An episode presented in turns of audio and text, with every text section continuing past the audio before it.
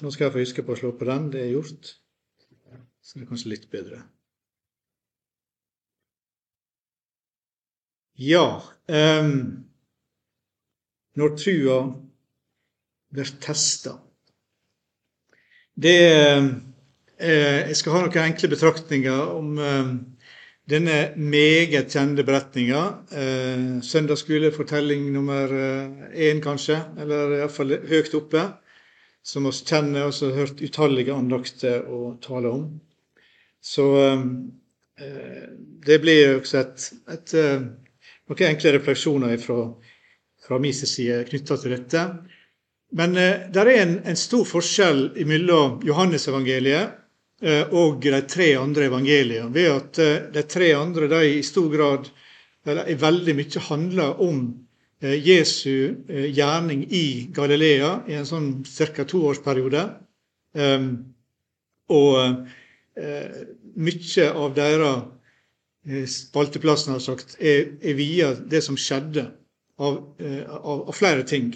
Mens Johannes nevner bare to i, fra den perioden.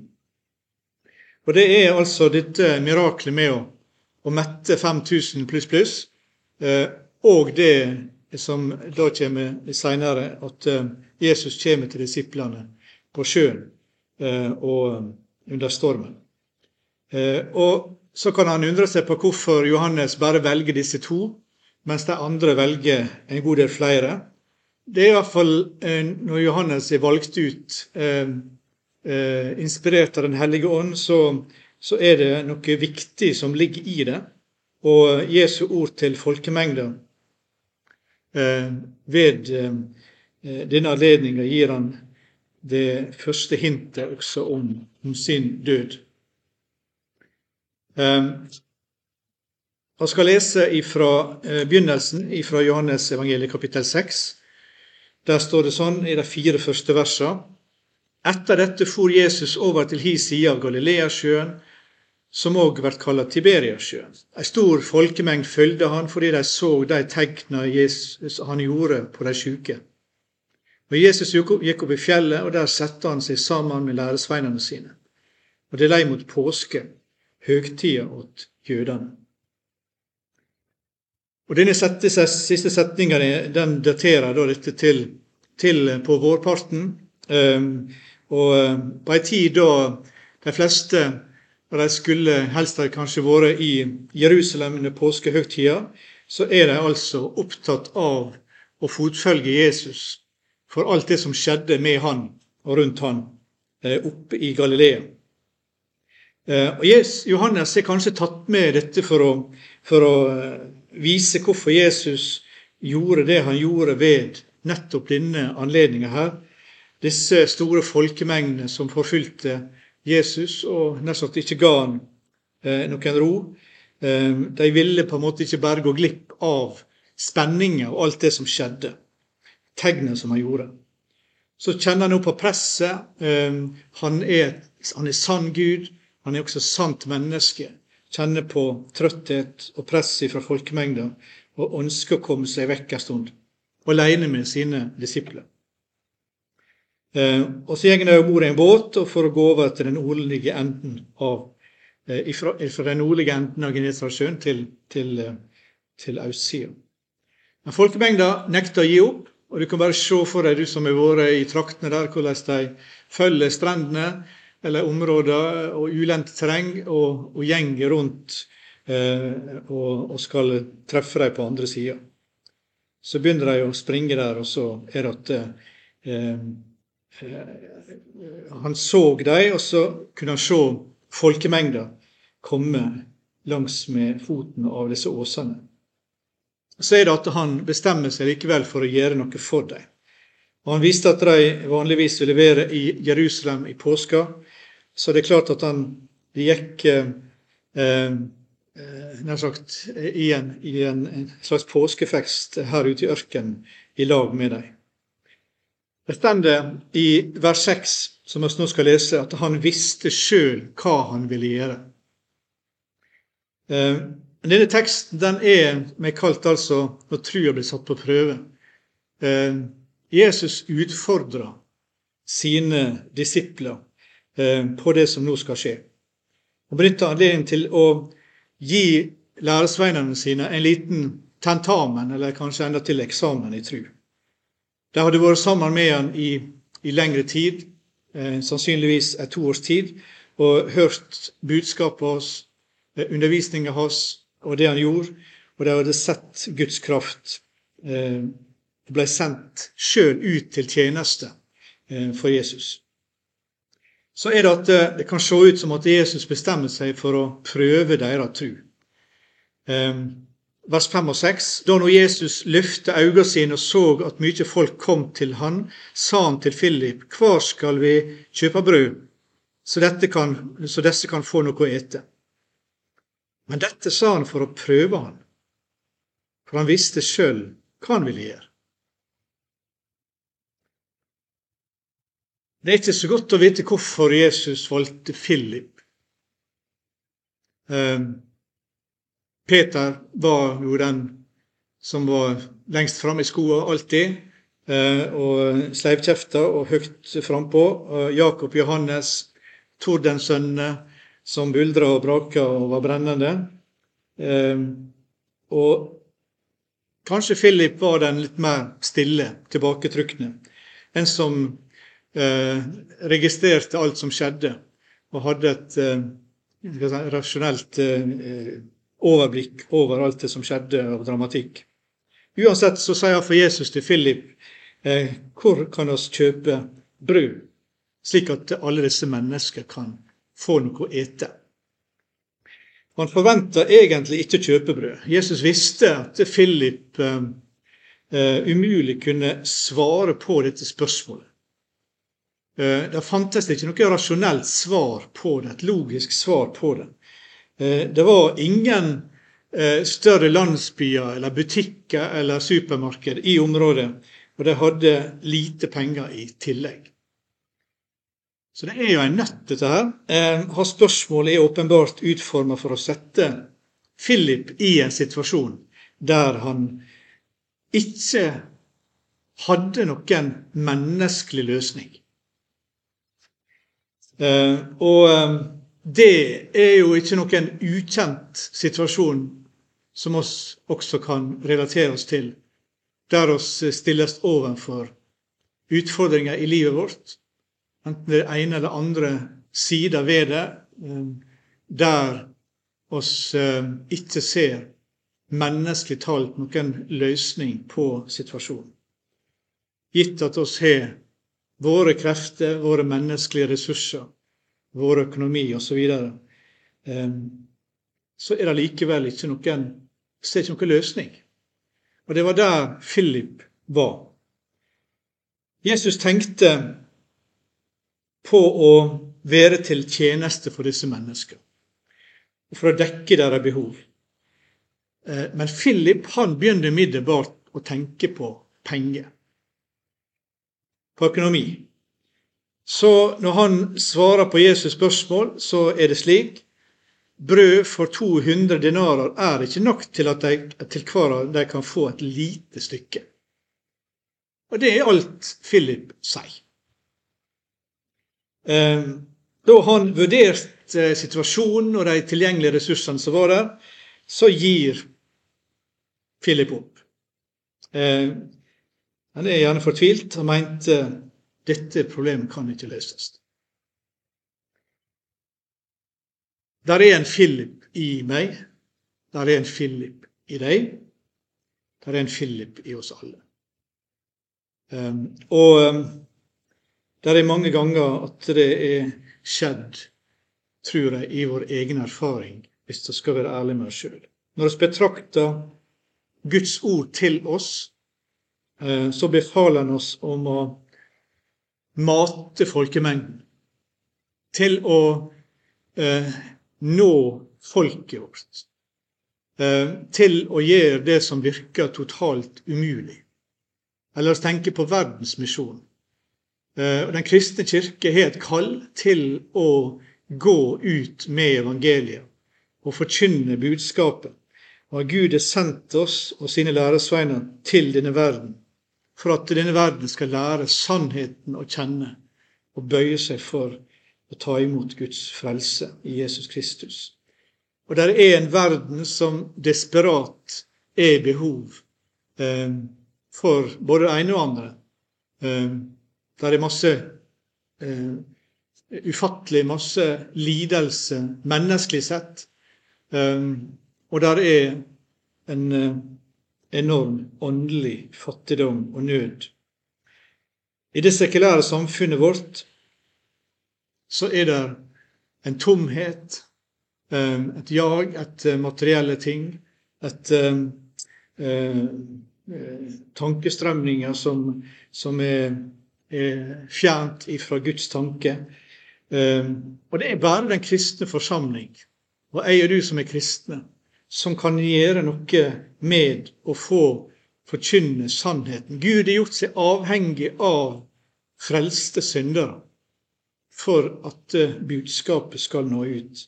Og brødet eh, kan mette livet sin nød. Hva gjør oss når oss hører denne befalinga før folkemengda? Gi folkemengda mat. Hva tenker oss da? Og jeg innrømmer det at jeg tenker lett som Philip. Um, og så begynner å tenke på, uh, på hvordan vi skal organisere dette og danne evangeliseringskomiteer, og hvordan vi kan få inn større uh, pengeinnsamlinger og ene med andre, en, en, aksjon på gang.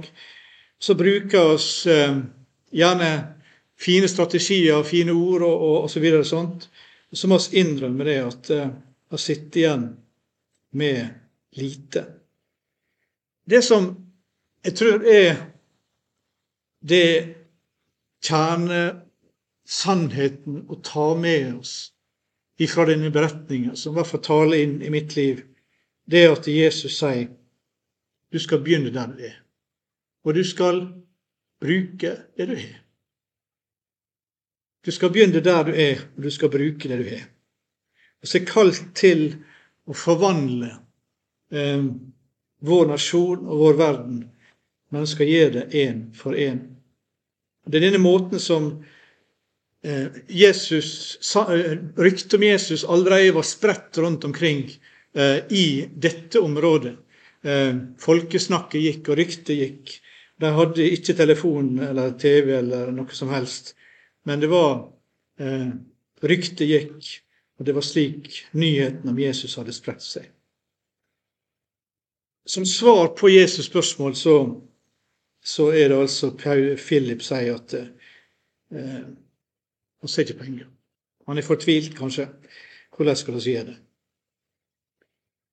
Det som er En som har skrevet det, at Eh, hvis du hadde gitt denne befalinga til en ateist, så hadde han nok kommet opp med akkurat samme svaret. Eh, hvis du hadde gitt eh, samme utfordringer til en som aldeles ikke trodde på Gud, men fikk samme problemstillinger framfor seg, så hadde han kommet med samme svaret. Det er bare ikke mulig. Og så er ikke penger nok, og så er ikke ressurser nok. Vi kan bare ikke gjøre det. Det er ganske sjokkerende å tenke på at dersom dette spørsmålet ble stilt til en vantru, så ville han si det samme som en truende ville. Møtt med dette. Eh, ja, det er ganske utfordrende utsagn. Tenke at eh, i møte med en sånn utfordring så tenker ikke en kristen stort annerledes enn en ateist. Eh, så kan den tanken utfordre oss litt. Men der er en annen læresvein som heter Andreas, og han stender om i vers 8-9. En av læresveinene, Andreas, bror til Simon Peter, sier til han, her er en liten gutt som har fem byggbrød og to småfisker. Men hva er det til så mange? Og Her heller finner ikke du eh, en struttende tru, eh, en, en ståltru. Det er litt bedre men heller ikke så veldig mye. Men litt er det. Eh, for Andreas han i hvert fall eh, sjekka litt ut eh, og gjort seg kjent i folkemengda. Og han var heller ikke interessert i å, å bruke så mye penger på denne folkemengda, men det som er poenget, er at det som trengs, det får Jesus. Det som de trenger, det er til disposisjon. Eh, og Jesus han ber oss ikke om å begynne å samle mer før at oss begynner å tjene. Eh, det er han ønsker av oss. Det er det som jeg er her og nå. Det er det som du er her og nå. Så snart han fant ut hva som var tilgjengelig i denne folkemengda, enn så lite det var, så var det faktisk alt han trengte.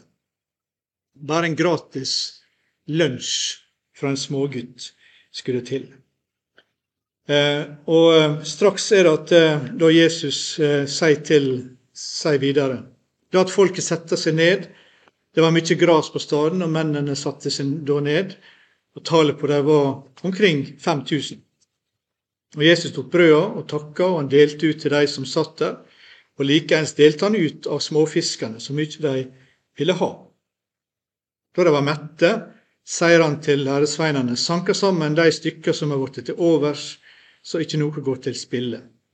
De sanker da sammen, og de fylte tolv korger med stykker av de fem byggbrøda som hadde blitt til overs etter de som hadde ete. Um, det er noe enkelt og like til over det som vi leser. Og å se i måten som Jesus tar imot dette på, um, og en ber en, en, enkel bønn og retter seg til sin far i himmelen. Uh, og viser til et eksempel for at jeg og du også skal være takknemlig for det vi får på bordet. Oss er gjerne flinkere til å synge for maten eller synge etter maten. Og det å takke for Guds gave, det er noe som vi må, bør legge oss på minnet. Men det er noe enkelt i måten som Jesus innvier dette på. Ehm, og han sa bare at han kunne gjøre det som Jesus hadde sagt han kunne gjøre det som Faderens ønske var. Og dette eh, var det han skulle gjøre. Og så takka han dem for det som har blitt gitt, og begynte å mette folkemengden. Eh, der er ulike rasjonelle forklaringer selvsagt også på disse tingene her. At det ikke var bokstavelig talt det som skjedde. Eh, men, men eh, la oss legge det til sides. Beretninga er, er ganske tydelig i forhold til hva som skjedde.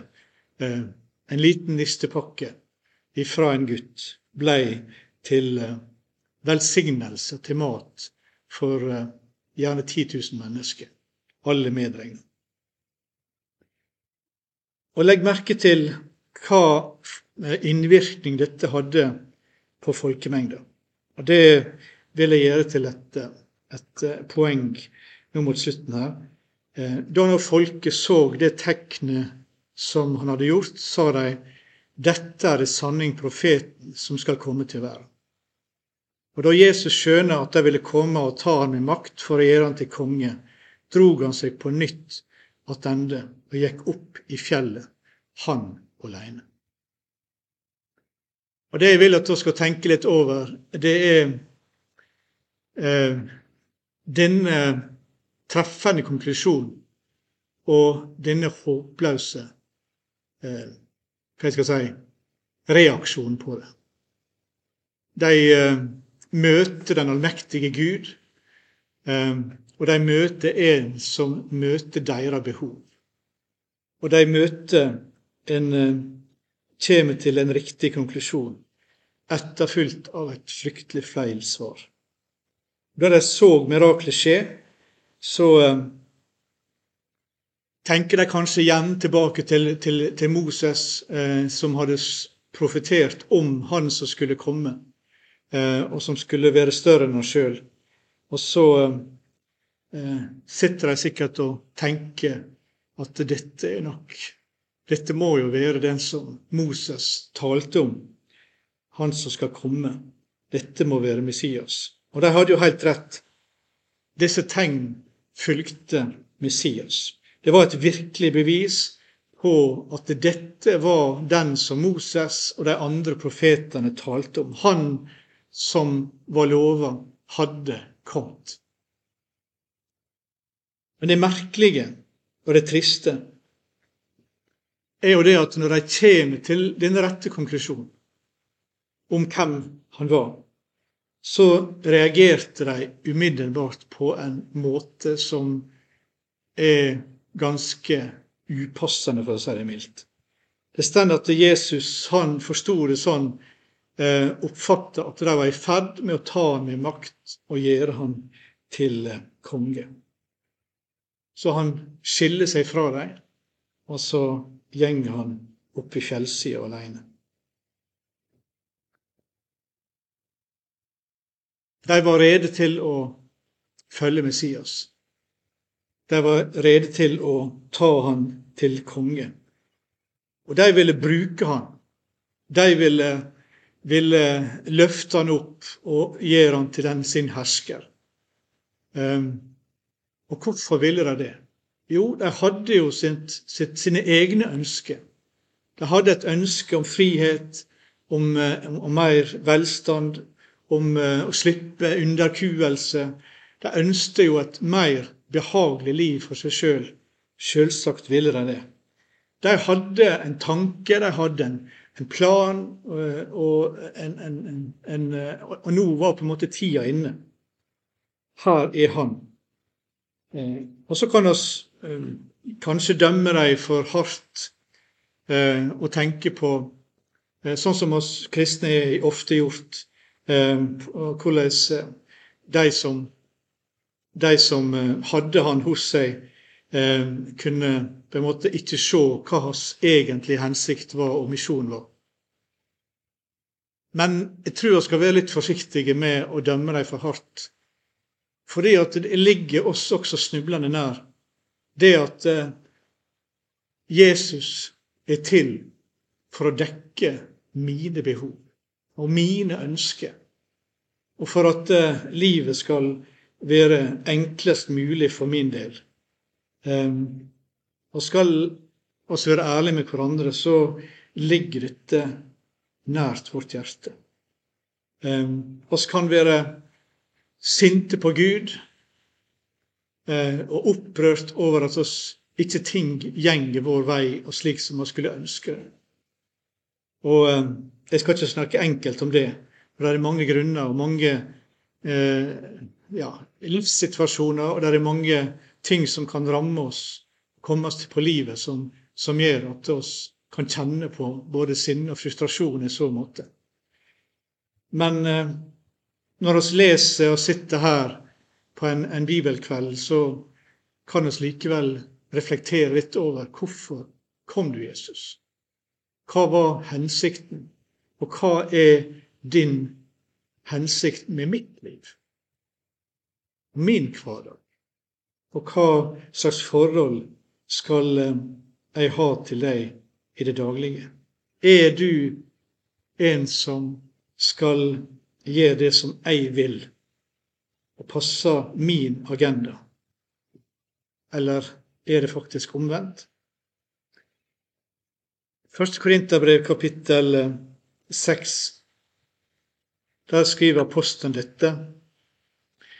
Ehm, og jeg uthever spesielt slutten av vers 19 og begynnelsen av vers 20. Det hører ikke lenger dykk sjølve til. Det er dyrt kjøpte. Dette er den motstrøms tanke som, som uh, møter oss både her og flere plasser gjennom uh, testamentet vårt. En tenkning om at jeg og du er kjøpt til Gud med Jesu blod som hans eiendom, til å være hans læresveiner, til å lære hans tanke og vilje å kjenne, og gjøre den til vår tanke og vår vilje og vårt ønske.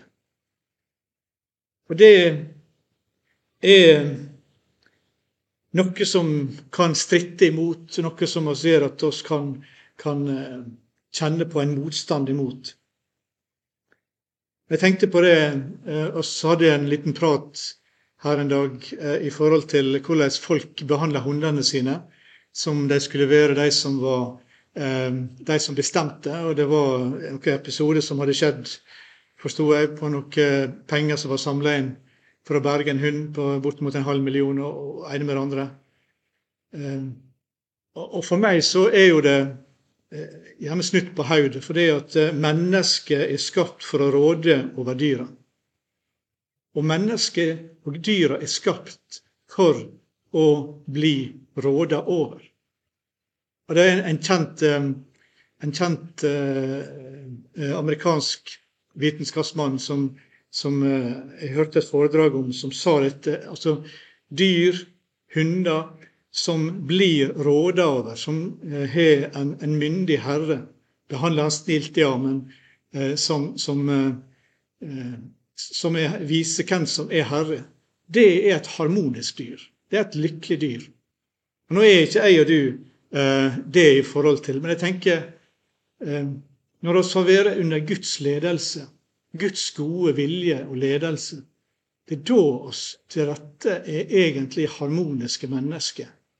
Eh, og lykkelige mennesker når vi får leve i Guds plan, når vi eh, får se eh, vår rette plass innenfor Gud, som tjenere, som Jesus også kaller sine venner. Men det å, å vite at Guds plan det er det som er det rette for oss. Vårt største privilegium er å få se oss som hans tjenere og gjøre det han ønsker å gjøre.